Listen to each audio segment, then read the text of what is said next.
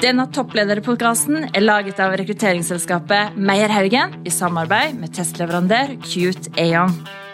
Det ene er å av og til ta rollen som djevelens advokat. Mm. Det vil si stille noen intrikate, litt ekle spørsmål, som eksempel hvis eh, vår økonomisjef eh, tok ut 10 millioner kroner fra banken og kjøpte billetter til Sør-Amerika, hvor langt ville han ha kommet? Mm.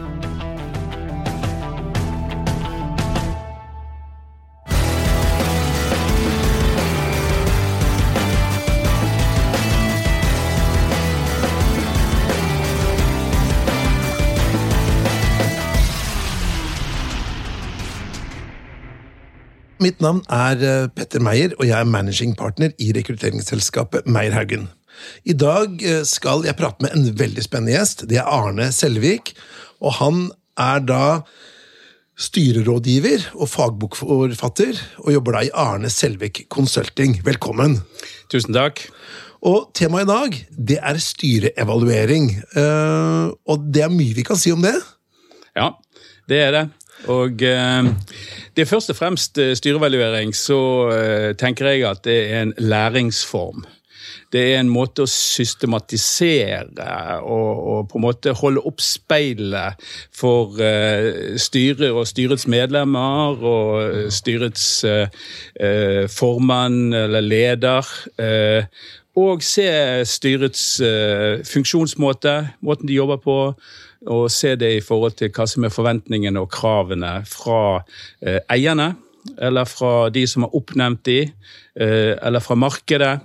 Eh, slik at det er ulike vinklinger, og noen ganger så gjør man det litt sånn overfladisk. Eh, man spør om det har vært et bra møte, og så blir medlemmene sittende i 15-20 år uten at noen eh, utfordrer de, og det er uprofesjonelt. Så de store virksomhetene som jeg har jobbet med, de gjør dette på en systematisk måte. Ja. Men du har da jobbet da med styrer, styresammensetning, styreevaluering. Er det lov å si en mannsalder? Ja, og vel så det. ja. Hva var det som gjorde at du uh, rota deg bort i dette feltet, fagfeltet? da? Ja, dette er sånn uh, at uh, Har du først kommet inn i et styre, så blir du alltid spurt om å komme i flere styrer. Så det er sånn catch 22. Ja. Uh, hvis du aldri er inne i styret, så kommer du ikke videre. Hvis du først kommet inn i et styre, så kommer du deg videre. Ah, ikke sant? Så jeg ble veldig opptatt av dette på 1980-tallet. Ja. Uh, og ble invitert inn i ulike styrer, både i private virksomheter, i industri, eiendom, bank og finans og NRK og litt av hvert. Ja. Dette kommer vi mer tilbake til, men Arne, hvis jeg skulle bli bedre kjent med deg, da, hvis vi hadde truffet hverandre i en sosial sammenheng, og så har jeg sagt du um og så hadde jeg spurt deg om noe, da, og det var favorittspørsmålet ditt. Om favorittemaet ditt. Noe du kan prate om en hel kveld på inn- og mm. utpust. Og det er mm. guilty pleasure, eller hva det som skal være. Mm. Hva skulle det vært? Nei, Det kan være for eksempel eh, ledelse hos Vikingene. Ja? ja altså, sånn, være, da, da, tenker du ikke fotballklubben, men eh, nei, rett og slett historie? Det, altså, Hva var det de kunne om strategi og teambuilding og belønningssystemer og ledelse? Ja, Innovasjon. Yes. Uh, det holder jeg på å skrive en bok om uh, sammen med Gudmund Hernes. Oi. Uh, og så trakker jeg litt i vikingenes fotspor. så hvis du hadde spurt meg om stier som man kan gå i Skottland og Wales og England Du spør om det er noen gode puber man kan overnatte på der. Whisky. Og whisky, ikke ja. minst. Så kan jeg snakke lenge om det. Du, dette her er jo helt fantastisk. Vi burde lagd en egen sånn vikingpodkast uh, og gått opp uh, gjennom sider. Ja, men Så spennende. Du, dette her, her, hadde vi hatt masse å prate om. Uh, hva, hva, hva, var vikingenes Hva var det, den beste lærdommen du har, organisasjonslæringen du har trukket ut av vikingenes uh, framferd? Ja, de har jo også hatt en måte å planlegge på. Uh, de har en måte å rekruttere på. Eh, de var veldig gode på å trene. Eh, de var veldig gode på teambygging. Og i dag så bruker vi av og til et sånt uttrykk som sier vi er alle i samme båt. Det er vi ikke lenger, men de var det. Ja, ikke sant? De var alle i samme båt. Og det betyr at eh, når de fordelte byttet, eh, så var det utstrakt eh, demokratiske spilleregler som skulle til for å holde 20-30-50 mann i blodslit. Med øks! Med øks. Ikke sant? Slik at forholdet mellom ledelse og lederen og, og de som var med i, i gruppen, Ja. Utrolig viktig. Ja. Og så klarte de altså å kommunisere lenge før vi hadde internett og mobiltelefon. Eh, Olav, den, eh, Olav Haraldsson den hellige, Ja. før han ble hellig, Ja. så klarte han å rive broen over Themsen Ja. med sannsynligvis 300 vikingskip som var mobiliserte fra Irland og Skottland og England og fra Norge, Ja. eh, uten internett. Spennende. spennende. Som sagt, dette kunne vært en egen podkast. Ja. Men jeg tenkte vi skulle gå over til dette med styre, for det er jo styreevaluering som er tema for denne podkasten. Men hvorfor i all verden har vi et styre? Ja, det er et veldig godt spørsmål. Eh, Vi har styrer for å ivareta eierskap, eller ivareta medlemmer, eller ivareta en samfunnsfunksjon, hvis man tenker seg eh, styrer i offentlig sektor. Og som en, eh, både en støtte og en utfordrer og en kontrollør i forhold til den daglige ledelsen. Ja, Så styret har mange funksjoner. Ja. Mange funksjoner. Strategi, organisering, etikk, Ja. kontroll osv. Og så kan du si at jeg liker ikke så veldig godt begrepet styre, for det gir en slags uh, assosiasjon til at det er styret som skal holde i rattet. Eller i styrepinnen. Ja, ikke sant? Ikke sant? Eh, mens board of directors, som det heter på engelsk, Ja. det handler om å gi retning. Ja. Ja, og et retningsgivende organ eh, som jobber med strategi, som jobber med fremtid, og som samtidig har en kritisk avstand til den daglige ledelsen, det trenger alle organisasjoner. ja. Spennende. Hva vil du si, Men så har man også et lovverk. da, ikke sant? Du har Ja. aksjeloven og, og, og um, Kan ikke du fortelle liksom, hva er liksom, sånn det lovgrunnlaget for å ha styrer i norsk næringsliv? Ja, Det viktigste er jo som du sier, det er jo aksjelovene. Vi har jo to. Ja. Uh, og, eh, og der er det jo eh, krav til hvordan styret skal eh, velges, hvordan det skal fungere, hvordan det skal rapportere. Så har vi stiftelseslov, så har vi en rekke særlover i forhold til offentlige virksomheter. Og så har man eh, styrer og retningslinjer innenfor idretten og frivillige organisasjoner. Norges idrettsforbund har jo sånne retningsgivende eh, regler, enten det er en golfklubb eller en fotballklubb osv. Så, videre, så er det visse måter tingene skal fungere på. Det gir jo en ryddighet som er eh, godt integrert i det norske demokratiet og i, i vår kultur. Ja, Men så har det vel noe med dette med hva skal jeg si, maktfordelingsprinsippet, da, som er gjenganger i hva skal jeg si, den demokratiske synet på det. ikke sant? Du har jo de fire statsmakter i Norge, og så har man da en, en maktfordeling at det er ikke daglig leder eller eier eller eh, som skal på en måte ha all makt i et selskap. Så, så det, noe filosofien er jo ganske gammel her også, da. Ja, det er han. Eh, Så, så maktfordeling er et, et poeng. Og så er det jo slik at eh, det som er en fare i de fleste sammenhenger, det er jo at de som da ansettes som daglige leder, oppfører seg som det er de som eier. Ikke sant? Samtidig så er det på liksom den andre side at de, eh, de sitter jo da og spiller med andre sine penger. Ja. Eh, og, og der har det skjedd mye i løpet av de siste 20-30 årene. Tidligere var jo veldig mange, også børsnoterte selskaper, helt administrasjonsstyrt. ja. Så det at vi har fått mer aktive eiere, det begynte jo egentlig med Kjell Inge Røkke som kom hjem fra eh, Amerika og Canada og hadde sett andre systemer. eh, som På godt og vondt. Mer aktive eiere, men dårligere styringssystemer egentlig i USA, fordi at man blander rollen som daglig leder og styreleder. Ja, ja. Vi skal det- komme litt tilbake til det Ja. litt senere i podkasten, altså Norge versus utlandet, for å si på den Mm. måten. Men eh, hvis vi skal da si at det fins da ulike eh, hva skal vi si, perspektiver på, på styret, at de har ulike roller. Eh, du var innom det noe, men hvis du på en måte oppsummerer på en måte sånn, dette er styrets oppgave, hva Mm. vil du si det er helt konkret? Ja. Det å gi retning, Ja, det å følge opp eh, slik at man både har nødvendig kapital og nødvendig organisasjon og ledelse til å bevege seg i den retningen. Um, og så handler det om å, å, sette sammen et styre slik at det er representativt. Og det som er særnorskt, eh, kan vi vel kanskje si, det er jo at vi også har i større virksomheter så har vi de ansatte med. I eh, styret for eh, Forsvarets høgskole så er nå kadettene med i styret sammen med generaler og admiraler og andre. Nettopp. nettopp. Hvis man da skal se på dette med evaluering av styrer, hvorfor skal man evaluere dette her, da? Ja, det har jo lett for å bli at styret finner noen, eh, noen måter, noen kulturer og noen vaner, eh, skråstrek uvaner, i sin måte å arbeide på. Ja. Noen styrer eh, er veldig dominert av et lite antall styremedlemmer. Noen er veldig dominert av en styreleder. Og en styreevaluering kan avklare maktbalansen mellom daglig leder på den ene side, styrets leder og resten av styremedlemmene. Så en styreevaluering handler om i hvilken grad det er åpenhet, i hvilken grad alle slipper til, i hvilken grad ulike synspunkter blir hørt. Så det er en måte å lære på, fordi at når man sitter midt oppi dette, eh, så har man ikke tilstrekkelig distanse eh, til å se om dette fungerer godt eller dårlig. Ja, eh, så det å evaluere et styre, det bør man gjøre med jevne mellomrom. Hvor ofte da, tror du?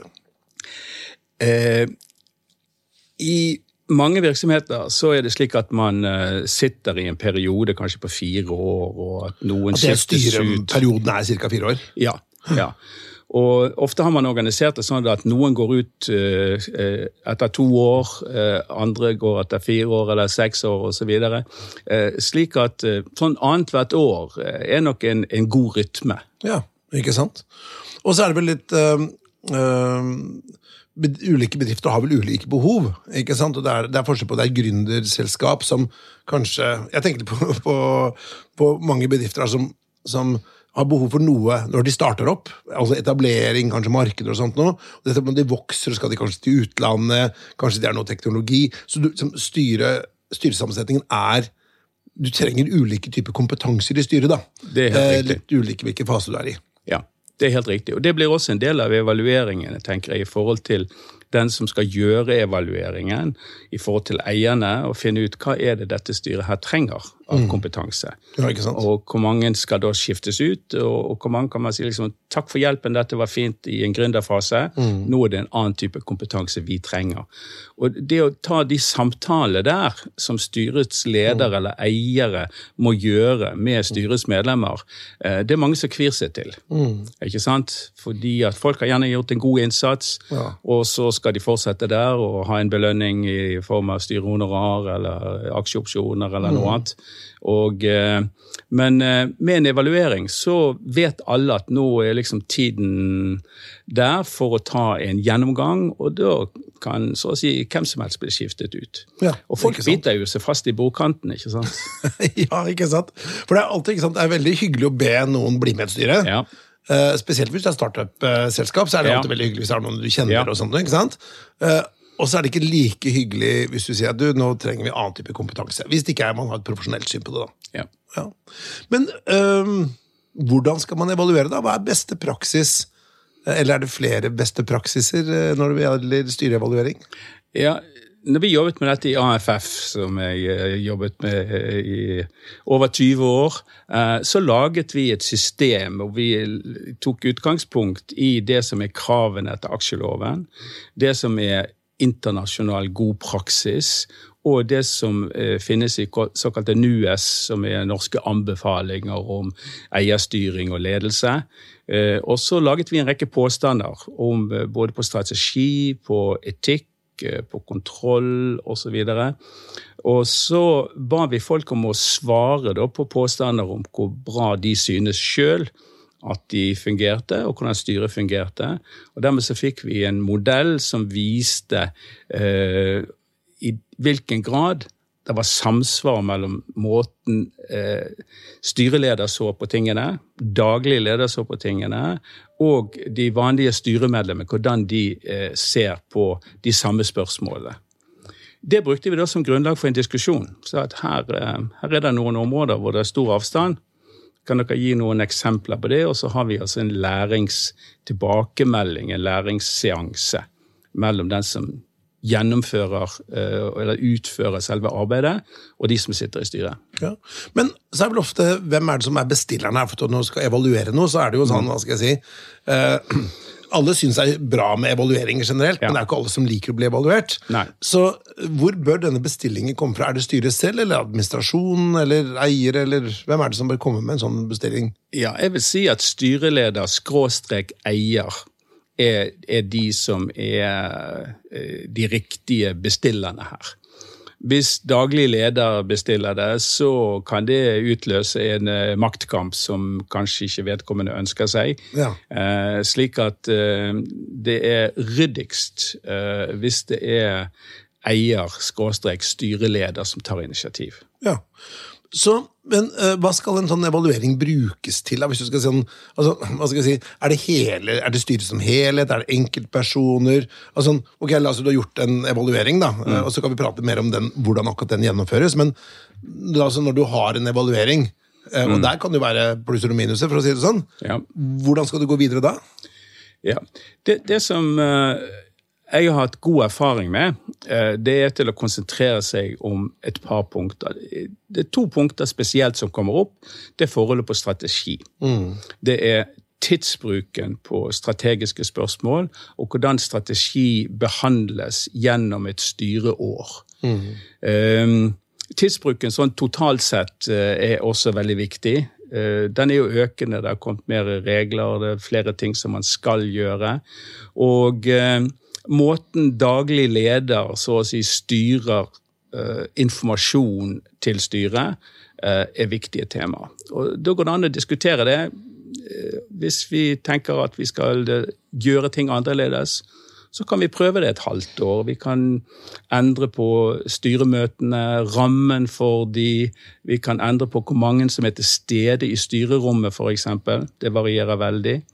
Eh, Så det å gi styret den legitime makt og rolle som det skal ha, eh, det er på en måte målet, og læring er på en måte overskriften. Ja. Men det kan jo være La oss si at det kommer en eh, Hvis det er bare skryt, så er det jo gøy. Da er det jo bare steady as you go. Mm. men hvis det kommer eh, ting som, som ikke er så positivt, da, la oss si det er styre, styreleder, enkeltpersoner som, som er suboptimale, da, for å bruke det uttrykket, så er det ikke alltid så lett. Hvordan skal man nyttiggjøre seg den informasjonen? Ja, da er det jo I de største virksomheter så finnes det jo en valgkomité. Ja. Og eh, når vi gjennomførte i AFF-regi eh, eh, styreevalueringer av store finansinstitusjoner f.eks., så rapporterte vi både tilbake til styret og til valgkomiteen. Ja. Da er det opp til valgkomiteen å finne ut eh, hva slags utskiftninger eh, eller suppleringer som skal foretas. Ellers vil det være da styreleder igjen i samråd med eiere, i, eh, i det tilfellet hvor det er helt sånn spesifikke eiere som er store og dominerende, eh, som må ta den tunge oppgaven som det da kan være til å si at eh, takk for følget, nå er det nok. Og så kan det jo også være for det er vel også administrasjonen også skal vel, om ikke akkurat evaluere, så skal i hvert fall relasjonen mellom administrasjonen, altså daglig leder, eh, kanskje nestleder, som La oss si papirene kommer sent, eller det er uklare bestillinger, eller at det er dårlig stemning, eller et eller annet sånt. Det er vel også en del av styreevalueringen, er det ikke det? Det er det. Og jeg har jo vært med på evalueringer hvor det både har ført til utskift av styreleder, det har ført til skifte av daglig leder, og eh, det kan eh, gjøres en loftsrydning som, eh, som resultat av det. Men som regel så bestemmer man seg for at vi skal gjøre noen endringer, vi skal gjøre noen forbedringer, og så prøver vi frem til neste evaluering og ser hva vi har fått til. Ja, Så du gir et litt, sånn, si, litt varselskudd, da, hvis det er konkrete ting. Ja. Og hvis de personene er voksne nok og kan ta tak i det, tipp topp. Ja. Hvis ikke, la oss si det stikker dypere, da, Ja. så må det, er det valgkomiteen, eller eierne, da, Ja. som må ta tak i det. Riktig. Ja. Men uh, hvis vi da tenker på hvordan en, en hva er beste praksis på gjennomføring av styreevaluering? Eh, mange vil jo da si at eh, man har et spørreskjema man sender ut i forkant, kanskje, hvor det har en del eh, områder man ønsker å belyse, og så følges man, og- følger det opp med en, en samtale one on one, da. Ja. Eh, og så lage en rapport. Er det praksis? Det er jo det er en god praksis. Ja. Det er ikke så veldig mange som bruker det, men jeg vil anbefale en slik praksis. Det vi eh, har gjort da, er å sende ut, få svar på disse påstandene. Eh, Når vi får samlet de dataene, og det er kanskje fra en åtte-ti personer, eh, så ser, eh, når jeg gjør det arbeidet, da et mønster.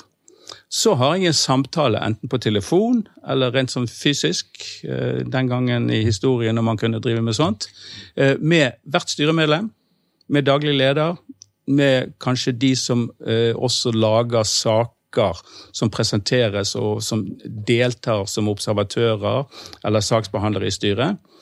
Og dermed så får jeg litt sånn kjøtt på beinet i forhold til eh, der hvor det er avvik, så kan de komme og gi eksempler på ja, hva er, noe, hva er det dette her handler om. Med den samlede, de dataene som du da får gjennom påstandene og profilen og samtalene, så kan du gi et råd til styrene at her må man skjerpe seg. Her trengs utskiftinger, her må vi endre praksis, her må vi uh, gi disse temaene mer tid uh, i, uh, i styremøtene, f.eks. Ja, Men er det da den enkelte styre det enkelte styremedlem som evaluerer? Så, eller skal disse spørreskjemaene være anonyme? Eller skal det da være at dette her er person A, B, C, også med navn, og så følger man opp de konkrete svarene i en samtale? Eh, Den modellen vi har brukt, eh, så er styremedlemmene anonyme. Ja. Så eh, vi får ikke vite om det er en som er valgt av de ansatte, eller om det er en som er valgt fra aksjonærene. Mens styreleder og administrerende, det er jo bare én av hver. Ja. Så da vi, har vi en egen profil for hver av de, som følger de samme temaene som for de enkelte styremedlemmene. Men de er ikke anonyme? De, de er ikke anonyme. nei. Nettopp. Ok. Spennende. Eh, og da er, så da utarbeider man et spørreskjema. Det kan være stort eller langt, men det går gjennom da en del ulike temaer. da, og det kan, Ja. Hva slags temaer ville du berørt hvis du skulle sagt at du skulle laget et spørreskjema? Du kan si at du har noen som har med prosessen å gjøre. Det er jo f.eks. tidsbruken, og det er graden av åpenhet eh, og tillit i styret. Hvis du ser på de utenfor rammene. Så er det konkrete temaer som handler om strategi. Eh, Så er det konkrete temaer som handler om kontroll. Eh, Det kan handle om forholdet til omgivelsene, eh, til det grønne skiftet. Det kan være interne forhold som handler om etikk, kapitalforvaltning osv. Ja, Spennende. Du, eh, Og så er det noe som heter NUES. Hva er det for noe? Ja, det er en norsk anbefaling om, eh, om eh, eierstyring og ledelse. Det kom eh, etter at det ble startet en prosess i Storbritannia. Den såkalte Cadbury-komiteen, sjokolademerket som folk forbinder med sir Adrian Cadbury. Han ledet en sånn kommisjon som laget en anbefaling, en recommendation. Og så har dette her ballet på seg. Så kom det til Norge, og så er det kommet i OECD, og så er det kommet i Sør-Afrika, og nå er det sånne anbefalinger i de fleste vestlige eh, land, kan du si. Og da er det gjerne sånn som Aksjonærforeningen og Børsen og en del andre næringsorganisasjoner osv. Som er med i komité som utarbeider sånne retningslinjer. Da, da snakker vi altså om hva er, hva er god praksis. Ja. Og så tenker jeg, du, jo da, du er jo bokaktuell, da. Eh, Du, med, du har skrevet fire bøker, eh, og så nå er du da bok, bokaktuell med den, den digitale styreverden. Fortell, hva er den digitale styreverden? Ja. Det er en bok eh, hvor vi tar utgangspunkt i styrenes behov for å forstå den digitale transformasjonen og det, det nye som skjer på digitaliseringsområdet. Eh, Tarje Heggernes, som har skrevet en bok som heter eh, Digital forretningsforståelse, og underviser i det. Eh, han og jeg har da laget en bok hvor vi sier at dette må du som styremedlem kunne. For ellers blir du enten forbigått, eller du blir utdatert, eller du blir overkjørt av de som kan noe om det. Så du må kunne noe om eh, personvernlovgivning i Europa. Du må kunne noe om det som kalles for digital, som teknisk gjeld. Du må kunne en del ting om begreper og systemer, slik at du kan stille spørsmål til ledelsen. Og hvis du skulle eh, Eller hva skal jeg si Hvis du skulle gi noen gode råd, da, hvis du skal være, sitte i et styre hvor Nå er vel teknologi sentralt i alle bedrifter, men ja. hvis det er på en måte en av, av kjerneoppgavene, hva slags råd du vil gitt der da? Ja, du kan si at eh, Kjerneoppgavene i, eh, i, i styret er jo eh, de strategiske spørsmålene. Og Det betyr at man må kunne tilføre eh, noe annet enn det som ledelsen som driver den daglige driften, holder på med. Og Det betyr at du må ha mer kanskje utsyn enn innsyn. Du må også kunne tilføre noe, slik at du følger med i verden. Hva er det som skjer i ulike markeder? Hva er det som skjer i arbeidsmarkedet? Hvordan får vi tak i de rette folkene, osv. Slik at du må kunne noe, noe som er annerledes. Og Det betyr at vi kan ikke bare ha folk som er daglige ledere, som også styremedlemmer. Men vi må gjerne ha forskere eller kunstnere eller politikere eller andre som har andre perspektiver på ting enn det som den daglige ledelsen har. Ja, spennende. Men vi var jo inne på dette her med den Norge versus utlandet. da, Utlandet i hermetegn. Det, er jo liksom, det er jo litt forskjell på utlandet òg. Men eh, du har norsk styretradisjon, som vi har pratet litt om. Men hvilke land kan vi sammenligne oss med, og hvilke land er veldig forskjellige fra oss når det gjelder styresammensetning og styrets rolle? Ja. Uh, vi har egentlig tre modeller. Uh, du kan si at den, eh, den nordiske, eller eh, den, den minner i, i ganske stor grad på den, den engelske eller anglosaksiske. Eh, hvor aksjonærene velger, hvor styrene ikke er så veldig store. Kanskje syv, åtte, ni medlemmer. Så har, vi, eh, så har vi den tyske tradisjonen, hvor eh, det er en todelt eh, modell. Hvor du kanskje har et styre på 20, hvor liksom halvparten er ansatte representanter eller fagforeningsrepresentanter, og de andre representerer eierne. Så har du den amerikanske modellen, hvor du ofte har en toppleder som både er styreleder og daglig leder. Eh, en sånn duality-modell. Eh, så hvis vi tar den nordeuropeiske, kan vi si, så er den kjennetegnet at styrene ikke er så veldig store. Eh, De er relativt aktive. Vi har representanter fra de ansatte i, i styrene. De er stort sett ganske dårlig betalt. Og, men ellers så funker det godt. Funker rimelig bra, den modellen som vi bruker. Ja.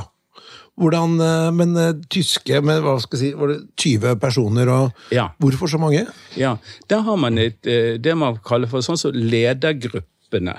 Det er jo et tema for seg sjøl som vi kunne snakket mye om, men ledergrupper oppfører jo seg av og til som et styre. De tar jo beslutninger eh, på investeringer, og de tar beslutninger på oppkjøp osv. Og så innenfor eh, skal vi si, administrerende direktør sine fullmakter, så oppfører jo eh, ledergruppen seg av og til som et styre. Det har man satt i system i Tyskland. Der er det liksom forretningsrådet. Det består av direktørene i selskapet. Slik at de er de som er på en måte et slags arbeidsutvalg, eller som, som drifter virksomheten og tar beslutninger. Så de har ganske vide fullmakter. Og så er disse, denne store forsamlingen på 20, de møtes kanskje bare en gang i kvartalet eller en gang i halvåret, og sånt noe, men som er da det øverste juridiske organet. Ja. Som er en form for generalforsamling, da? eller? Ja. Ja. Eller bedriftsforsamling, som vi hadde tidligere. Som er en sånn mellomting mellom generalforsamling og styre. Men du har jo også dette med det man kaller advisory board, som er liksom, i hvert fall i norsk sammenheng som er sånn, litt sånn løselig tilknyttet med sånn rådgivere som ikke har noen forpliktelse på noe vis, men de kan være med oss ha ulike perspektiver. Hva tenker du om det? Ja, det kan være fornuftig. Eh, Jeg har sittet i noen sånne, og tror jeg sitter i et fremdeles. og, og, og det å gi råd eh, er jo veldig kjekt. Og så er det slik at hvis de som, skal, som jobber der til daglig, lytter til rådene, så er det kjekt å være der. Men noen blir jo sånn som supperåd eller kringkastingsråd eller sånt. Mm. Vi satt i styret i eh, Jeg satt seks år i styret i NRK, og vi tok ganske store beslutninger i styret. Mens rådet de uttaler seg om programinnhold og sånt. Og sånn vil det være kanskje på høyskoler og universiteter, at man sitter og gir noen sånne råd. Mm. Ja. Men Du nevnte også den amerikanske tradisjonen, som er jo veldig spesiell. At du ja. på daglig leder er sammen som styreleder. og Der er jo ikke det maktfordelingsprinsippet så viktig, kanskje? Nei. Nei. Hvorfor har de kommet på det, den tradisjonen? Ja, det, det, er ikke så godt å si uh, sånn historisk sett. For det, det springer, hele, springer jo ut ifra si, The Limited Company, som er den engelske tradisjonen, egentlig. Men, men det er en det har kanskje den amerikanske kulturen vært veldig sånn beslutningsorientert. Vi, vi, hvis du skal ta masse beslutninger, så kan ikke du kalle sammen styre hele tiden. Nei. Ikke sant? Og Dermed så kan du si at det ligger mer sånn beslutningsmakt i administrasjonen.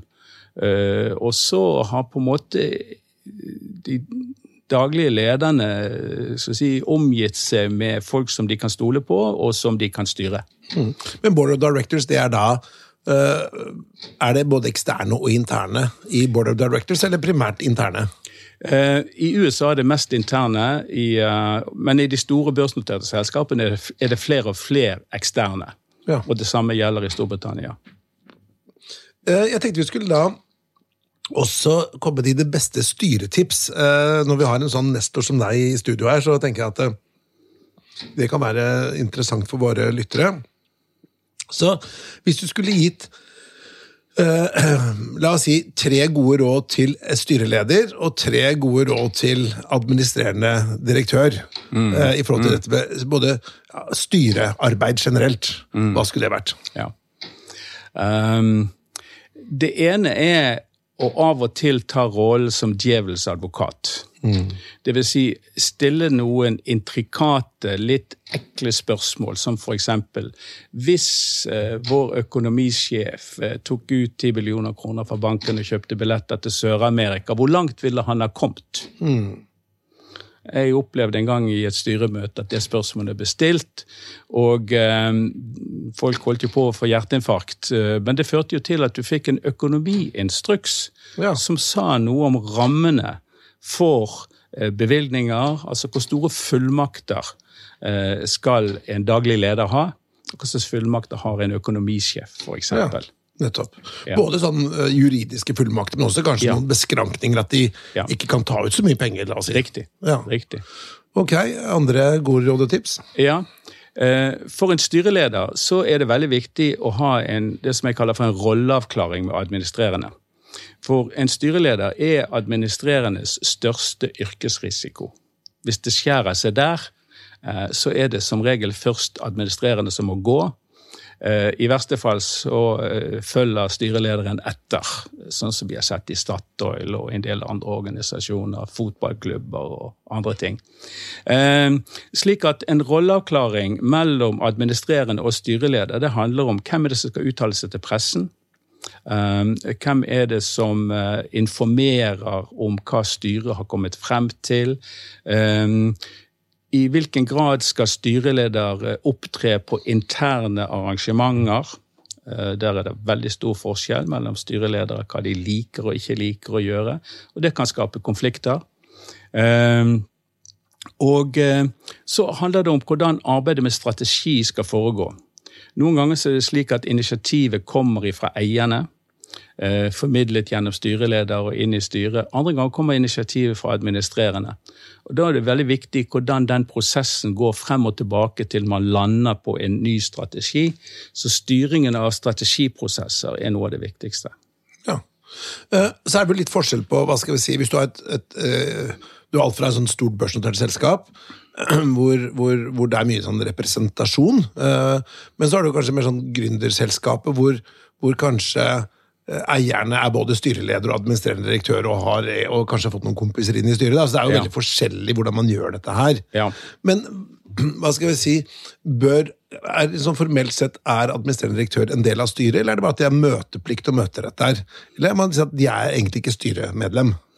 De skal, de skal ikke være, de bør ikke være styremedlemmer. Nei. Nei. Det må være et klart skille. altså Det er den første kan du si, fra gründervirksomhet og til man begynner å vokse.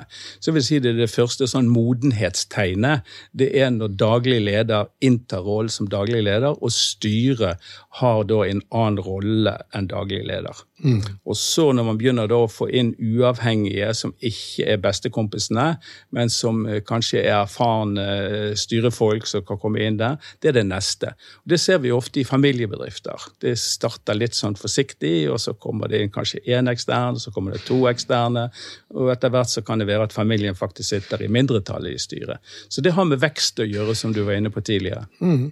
Og så er det vel det at eh, styreleder, bør det være ekstern uansett? Eh, ja, i de aller fleste tilfeller så bør det det. Ja. Til og med i Forsvaret. Nå er det ekstern styreleder på Forsvarets høgskole. Det var jo en helt ny ting. Ikke sant? For, men det er vel tankegangen at, at, her er det noen som skal holde administrerende i ørene, eh, ja. og ha en makt rundt det, da. Ja. Men samtidig være en støtteperson. altså En, en styreleder kan være en god coach, for ja. spesielt hvis man har ansatt en ny daglig leder. Ja. Så trenger jo daglig leder også å ha en som er en god rådgiver, en god støtteperson. slik at kontakten mellom styreleder og daglig leder mellom møtene kan være en veldig viktig ressurs for de fleste daglige ledere. Ja. Du, Arne, jeg må bare si at dette kunne vi prata om eh, en hel kveld. Og i tillegg så kunne vi prata om både vikinger og, og whisky i Skottland. Men eh, jeg tenkte vi skulle gå litt inn for landing. Tusen hjertelig takk for at du kom i studio her i eh, Beinhaugen. Og, og lærte lytterne våre litt om styrearbeid. Og så vil jeg bare minne om at du er snart klar med en bok som heter Den digitale styreverden. Den blir tilgjengelig. Når tid kommer den ut? Sannsynligvis begynnelsen av februar. Ja, så det er, og Denne podkasten tas opp nå i midten av november, så det er bare noen måneder igjen. Ja. Så det er uh, glimrende. Men du, tusen hjertelig takk, og lykke til med ditt videre viktige arbeid. Har du innspill eller kommentarer til denne podkasten, kan du sende en e-post til toppleder at meierhaugen.no.